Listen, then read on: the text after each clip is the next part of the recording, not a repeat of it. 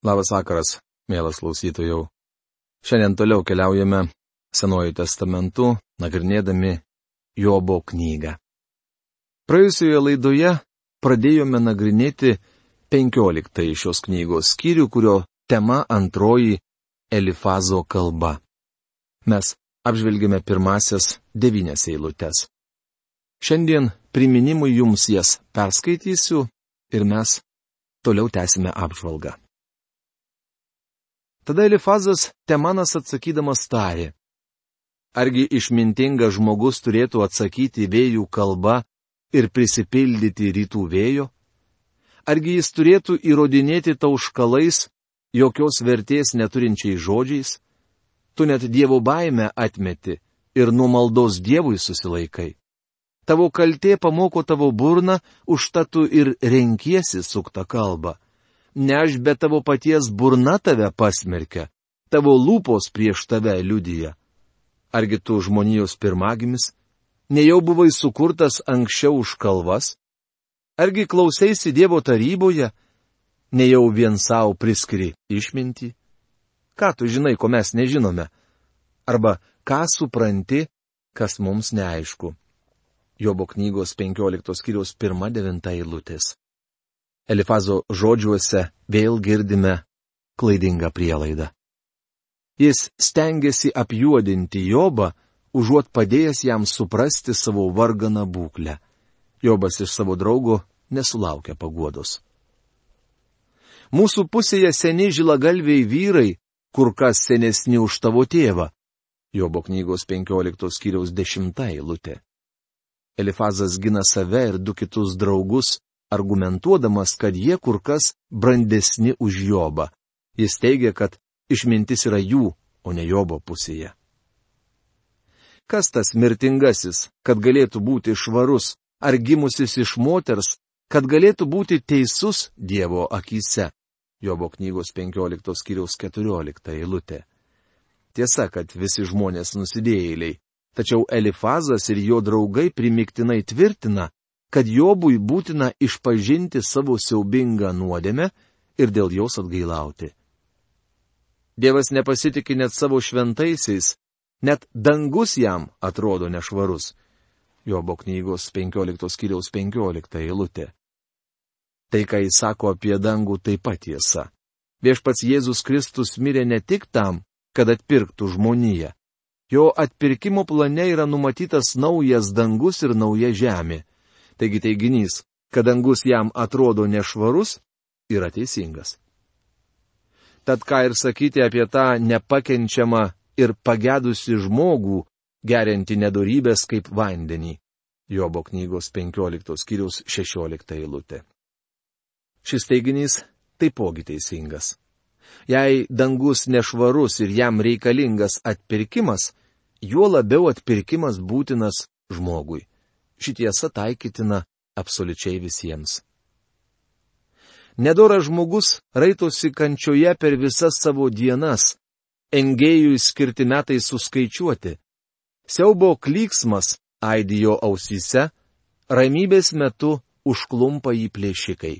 Jobo knygos 15 skyriaus 20-21 eilutės. Čia vėl girdime užuominą, kad Jobas nedoras, nes kažką slepia nuo savo draugų. Visgi turime pripažinti, jog šie vyrai nesivadovavo klaidingą šio laikinę filosofiją, teigiančią, kad žmogus iš esmės yra geras, nežiūrint kelių nežymių jo klaidelių, kad žmogaus nuodėmė netyčinė ir ją nesunku išgydyti įtrynus raminančių balzamu. Jobo draugų samprata apie Dievą buvo kur kas teisingesnė nei šio laikinių gudročių, kurie moko, jog žmogus, kaip evoliucijos produktas, yra aukščiausios klasės būtybė ir dėl to neatsakingas prieš kurėją. Nors trijulė neturėjo atsakymų Jobui, jų žodžiuose buvo daug tiesos. Elifazas užuot paguodęs Jobą, kursto debatus. Jis iš naujo suka tą pačią plokštelę nepasakydamas nieko naujo. Jobo knyga 16-17 skyriai - tema Jobo atsakymas Elifazui. Netrukus išgirsime antrąjį Jobo atsakymą Elifazui. Tai labai panašu į debatus. Iš pradžių išklausome vieną pusę, o vėliau kitą. Tiesą sakant, taip neturėjo būti, nes šie vyrai atėjo paguosti Jobo. Užuot paguodę savo vargšą draugą, jie sukėlė debatus. Trijulė stengiasi priblokšti Jobą, laimėti prieš jį intelektualią kovą, tačiau debatų jie nelaimi. Mano nuomonė, rezultatas lygus. Galop į pokalbį įsitraukia greta stovėjęs jaunuolis, o paskiausiai prabils pats Dievas. To žinoma ir reikia Jobui. Jis trokšta prakalbinti Dievą. Ką tik Elifazas baigė groti savo seną plokštelę. Jis sapnuotojas, turėjęs regėjimą. Šis vyras tvirtina gavęs informacijos, kurios niekas kitas nežino, tačiau savo antroje kalboje kartoja tą patį, ką jau anksčiau buvo minėjęs. O Jobas atsakydamas tarė. Kiek dažnai tokių dalykų aš girdėjau. Visi jūs apgailėtini guodėjai. Jobo knygos 16 skyriaus 1-2 eilutės. Jobas teigia, jūs nieko naujo nepasakėte. Nepaminėjote nieko, ko nebūčiau žinojęs. Jūs esate apgailėtini guodėjai. Esu tikras, jog šie vyrai buvo Jobo draugai, tačiau atėję vis tiek sukėlė ginčą. Dabar Jobas turi galimybę atsikirsti. Būtent tai jis ir daro. Argi nebus galo tuštiems žodžiams? Kokia lyga verčia tave taip gintis, Jobo knygos 16 skyriaus 3 eilutė. Jobas sako, tau turėtų būti gėda dėl to, ką kalbėjai, tai tušti žodžiai. Nelaimiai, tokie yra daugelis šiandieninių pamokslų. Kai kurie iš jų net nepagrysti Biblija ir dėl to Dievo dvasia negali jų panaudoti. O jei Dievo dvasia negali panaudoti pamokslo, jis nieko vertas, tik tuščias gražbiliavimas. Nūdien pasaulyje skamba daug pamokslų, kurie visiškai beprasmiai. Jie nesusiję su Dievo garbinimu ir jo žodžio skleidimu. Ta pati galima pasakyti ir apie kai kurių bažnyčių giesmių tekstus, bei apskritai visą tarnavimą. Galimas dalykas dėl to kaltas pamokslininkas. Tačiau nebūtinai. Kartais dėl bažnyčios smokimo yra kalti susirinkusieji, tai yra klausytojai. Ir aš galėčiau kalbėti kaip jūs, jei būtumėte mano vietoje. Galėčiau jūs priblokšti žodžiais ir palinguoti galvą iš užuojautos. Jobo knygos 16 skyriaus 4 eilutė. Jobas sako draugams, kad jei jis būtų jų vietoje, taip pat galėtų priblokšti juos žodžiais ir pasmerkti. Rūpestingasis Paulius apie tai rašė Galatijos tikintiesiems, norėdamas užkirsti kelią tokiam elgesiui. Broliai, jei kuris žmogus būtų pagautas nusikaltęs, jūs, dvasio žmonės, pamokykite tokį romiai, Bet žiūrėk, kad ir pats neįpultum į pagundą, rašoma Galatams laiško šeštos kiriaus pirmoje eilutėje. Nesibelkite su tokiu žmogumi į debatus, nepamokslaukite jam. Pamokykite jį romiai, sekdami mūsų viešpačių, kuris plovė saviesiems kojas. Jis tebe daro tai ir šiandien. Kai jūs ar aš išpažįstame savo nuodėmes, jis ištikimas ir teisingas, kad atleistų mums nuodėmes ir apvalytų mus nuo visų nedarybių. Rašo apaštalas Jonas pirmame laiške, pirmame skyriuje devintoje eilutėje. Jėzus Kristus vis dar plauna kojas, tai yra vis dar apvalo savuosius. Taip jis parodė pavyzdį ir mums. Jei rengėtės plauti kitam žmogui kojas, nežiūrėsite į jį iš aukšto ir nepamokslausite jam iškėlęs pirštą. Jums teks priklaupti ir užimti tarno vietą. Gaila, tačiau bičiuliai pas Jobą atėjo turėdami kitokią nuostatą. Jie puolė pamokslauti nelaimės ištiktam vyrui. Suprasdamas tai Jobas tvirtina, kad būdamas jų vietoje galėtų daryti tą patį - kraipyti galvą ir svaidytis žodžiais. Galėčiau jūs padrasinti žodžiais ir mano lūpų pagoda palengvintų jūsų skausmą, Jobo knygos 16 skyriaus 5 eilutė. Jobas tvirtina, kad elgtųsi su savo bičiuliais kitaip, norėtų juos sustiprinti ir paguosti. Norėtų nuplauti jiems kojas, tai yra draugiškai juos priimti. Štai kaip trijuliai dėrėjo elgtis su Jobu. Nuo kalbų mano skausmas nepalengvėja, o jeigu tylėčiau, ar bent kiek jis palengvėtų. Jobo knygos 16 skyriaus 6 eilutė. Jobas nesulaukė pagalbos. Iš tikrųjų nuvargino mane Dievas, nusiaubė visus manuosius, mano oda jis ištiko raukšlėmis, jos tarsi liudytojai prieš mane. Mano liesumas ateina kaip liudytojas ir liudyja prieš mane. Jobo knygos 16 skyriaus 7-8 eilutės. Jobas sako, jis mane susendino, ištiko raukšlėmis. Įpykęs jis mane drasko ir persekioja, dantį ant manęs griežia. Piktai akimis mane varsto mano priešininkas. Išsižioja spokso į mane žmonės, tyčiodamėsi kerta man į žandą ir būriuojasi norėdami mane užpulti. Dievas atiduoda mane neteisiam žmogui, sviedžia nedoriesiems į nagus. Jobo knygos 16 skyriaus 9-11 eilutės. Šie vyrai tokie patys kaip neteisėjai ar nedorėliai. Jie turėtų būti Jobo draugai, tačiau elgesi su juo kaip priešai. Beje, ar žinote, kad šiandien yra krikščionių, kurie gali pasielgti su jumis niekšiškiau už daugelį neišgelbėtųjų? Nėra nieko blogiau už niekšingą krikščionį. Taigi Jobas savo draugus pavadina nedoriliais. Jie įsitikinę, kad gina Dievą, tačiau tuo pat metu melagingai kaltina Jobą ir net brutaliai su juo elgesi.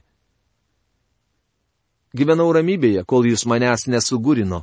Nutvėręs už sprando sutrupino į gabalus, pasidėjo mane kaip taikinį.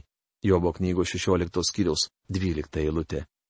Jobas supranta, jog Dievas leido, kad taip atsitiktų. Vaikystėje dažnai eidavau į medžioklę ir matydavau, kaip šuo pačiumpa kiškį. Jis griebdavo ilgausi už sprando ir imdavo iš visų jėgų įpurtyti. Tikriausiai ir Jobas buvo matęs tokį vaizdą. Jis teigia, kad panašiai jį purto Dievas. Taigi, bičiuli, kartais jis taip daro. Ir leidžia į mane strėlės iš visų pusių, perduria mano inkstus ir nerodo pasigailėjimo, o mano tulžį išlaisto žemėje. Jobo knygos 16 skyriaus 13 eilutė. Prisimindamas tulžies kartumą, Jobas tvirtina, kad iš jo lėjasi kartėlis. Žaidžia mane žaizda prie žaizdos, puola mane kaip galiūnas. Jobo knygos 16 skyriaus 14 eilutė. Jobas godžiasi, kad Dievas mindžioja jį kaip galiūnas, tarsi būtų pasidaręs iš jo kilimėlį kojoms šluostyti. Geresnio apibūdinimo nesugalvosite. Žymus praeities rašytojai, novelistai ir poetai vis iš naujo skaitydavo Jobo knygą. Ji parašyta puikia kalba, joje daug įspūdingų palyginimų rekomenduočiau šią knygą skaityti nuolat, kad ji taptų jūsų esybės dalimi. Jos kalbos grožis išties įspūdingas. Užsivilkavo šutinę ant kūno, sėdžiu čia dulkėse nugalėtas, mano veidas paraudo nuo ašarų, pajuodo mano akių vokai, Jobo knygos 16 skyriaus 15-16 eilutės. Profesoriaus Algirdo Jurieno Biblijos vertime Šešiolikta eilutė skamba taip.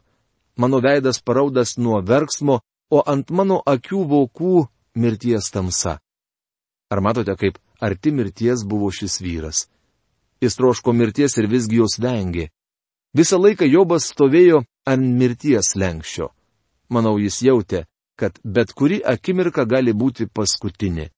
Jobas labai sunkiai sirgo nors pikto nėra mano rankose ir mano malda Dievui yra nuoširdi. Jobo knygos 16 skyriaus 17 eilutė. Užuot skatinę Jobą pačiam save teisti, draugai vertė įteisintis. Jis buvo priverstas gintis, o kai ėmė gintis, nustumė Dievą į nedėkingą padėtį. Jis teisinosi pats, užuot teisinęs Dievą. Bėda ta, kad draugai smerkė Jobą, užuot padėję jam pačiam save pasmerkti. Vos pradėjęs ginti, žmogus atsiduria padėtyje, kurią labai aiškiai apibūdino Jonas. Jei sakytume, jog neturime nuodėmės, klaidintume patys save ir nebūtų mumise tiesos. Jei sakytume, kad nesame nusidėję, darytume jį melagiu ir nebūtų mumise jo žodžio, rašoma pirmame Jono laiške, pirmame skyriuje aštuntoje bei dešimtoje eilutėse. Taip Dievas verčiamas melagiu, visa kaltė suverčiama jam. Iš teisėjo Dievas padaromas teisiamuoju, kaltinamuoju, nusikalteliu. Tuomet žmogus pateikė Dievui kaltinimus. Daugelis žmonių teisė Dievą. Čia matome, jog tą patį daro ir Jobas. Jis teisinasi sakydamas, pikto nėra mano rankose. Taip tvirtindamas jis teikia, jog Dievas neteisus, leisdamas jam patirti siaubingas kančias. Jobas sako, ir mano malda Dievui yra nuoširdi, arba, kaip verčia profesorius Algirdas Jurienas, tyra. Esu šiuos žodžius girdėjęs ir iš krikščionių lūpų. Bičiuli, abejoju, ar kurio nors iš mūsų malda yra visiškai tyra. Štai kodėl aš visuomet sakau viešpačiui prašau to Jėzaus vardu, nežinau, kad savo pastangomis Vernonas magijo nepasieks. Tačiau Jobas mano galys pasiekti Dievą. O žemė, neuždenk mano kraujo, ten neranda ramios vietos mano šauksmas. Jobo knygos 16 skyrius 18 eilutė. Girdime įspūdingą Jobo šauksmą. Jis prašo, kad žemė neuždengtų jo kraujo. Jei Abelio kraujas šaukėsi Dievo, tai Jobo manimu, juo labiau Dievo turėtų šauktis jo kraujas. Bičiuli, Dievas neuždengia kraujo, bet to jis mato Kristaus pralietą kraują, ypač tuo met, kai jį atmetate. Štai net dabar mano liudytojas yra danguje, tas, kuris laiduoja už mane yra aukštybėse. Jobo knygos 16 skyriaus 19 eilutė. Biblijoje mokoma, kad Dievas viską apie mus susirašo. Nūdien ši mintis daugeliu kelia šypseną. Žmonės abejoja. Ar galite įsivaizduoti Dievą sėdinti prie knygomis nukrauto stalo? Bičiuli, kas jums sakė, kad jis viską užrašinėja į knygas? Dievui jos nereikalingos. Jei niekingas žmogelis pajėgus pasidirbti aparatą, kurį vadiname kompiuteriu? Ar nemanote, kad Dievas gali išrasti nepalyginamai pranašesnį būdą sąrašams kaupti, kokio mes su jumis net neįsivaizduojame? Mano nuomonė, tuose sąrašuose paminėti visi mūsų žodžiai ir darbai. Nežinau kaip jūs, bet aš tikrai nenorėčiau išvysti sąrašo, kuriame sukaupta visa informacija apie mane esu be galo laimingas, kad dalis jos ištrinta Jėzaus Kristaus krauju. Ačiū Dievui iš tai. Mano bičiuliai mane niekina, mano akis lėja ašaras Dievui. Jobo knygos 16 skyriaus 20 eilutė. Matome, kad Jobas sėdi nusiauptoje vietoje ir gausiai lėja ašaras. Aplink sustoja bičiuliai žiūri į jį ir tyčiojasi, vadindami jį veidmainiu bei kaltindami melagyste. Jie nepažįsta nei Jobo, nei Dievo, nei patys savęs. Te būna jis žmogaus ir Dievo, kaip žmogaus ir jo bičiulio teisėjų. Jobo knygos 16 skyriaus 21 eilutė. Čia skaitome dar vieną Jobo šauksmą. Kaip nuostabu, kad tikintieji turi užtarėją. Mes turime advokatą, kuris atstovauja mus prieš Dievą. Jis viskuo pasirūpina. Vienas yra Dievas. Ir vienas Dievo ir žmonių tarpininkas - žmogus Kristus Jėzus. Rašoma pirmame laiške Timotiejui, antrame skyriuje penktoje eilutėje. Bičiuli, jei jis dar nėra jūsų advokatas, tikrai norėtų juo būti mano jėgos palauštus, mano dienos baigėsi, manęs laukia kapas. Jobo knygos 17 skyriaus pirmą eilutę. Kosto burbulio Biblijos vertime šie eilutė skamba taip.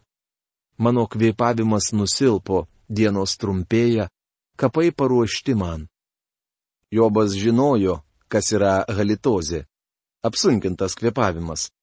Ir neturėjo purškeklių, kurių šiandien apstu vaistinėse. Tai reiškia, kad jis labai sunkiai serga, jo laukia kapas. Jobas tarsi sako, kad viena jo koja jau kape, o kita ant banano žievės. jis įsitikinęs, kad miršta. Iš tikrųjų tik pajuoka lydi mane. Mano akis naktį praleidžia kartėlyje. Jobo knygos 17 skyriaus antra eilutė.